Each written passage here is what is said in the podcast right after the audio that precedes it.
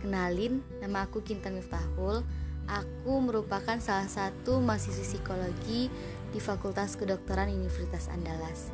Nah, kali ini aku akan membahas tentang kalimat yang selalu aku tanamkan dalam diri aku, yaitu kalimat "My dream is my responsibility". Kalimat ini adalah kalimat yang selalu aku tanamin dalam diri aku, dan aku selalu berusaha untuk membuktikan bahwa kalimat tersebut bukan omong kosong belaka. Dalam menjalani hidup, kita tidak perlu berpura-pura menjadi orang lain atau berusaha menjadi apa yang orang lain inginkan. Karena percayalah, setiap kita punya cerita hidup masing-masing dan kita adalah pemeran utama dari cerita itu sendiri.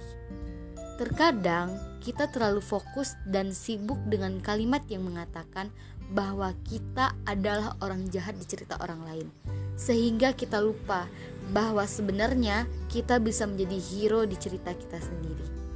Untuk itu, mulai dari sekarang, ayo teman-teman semua teruslah menjadi versi terbaik dari diri kalian.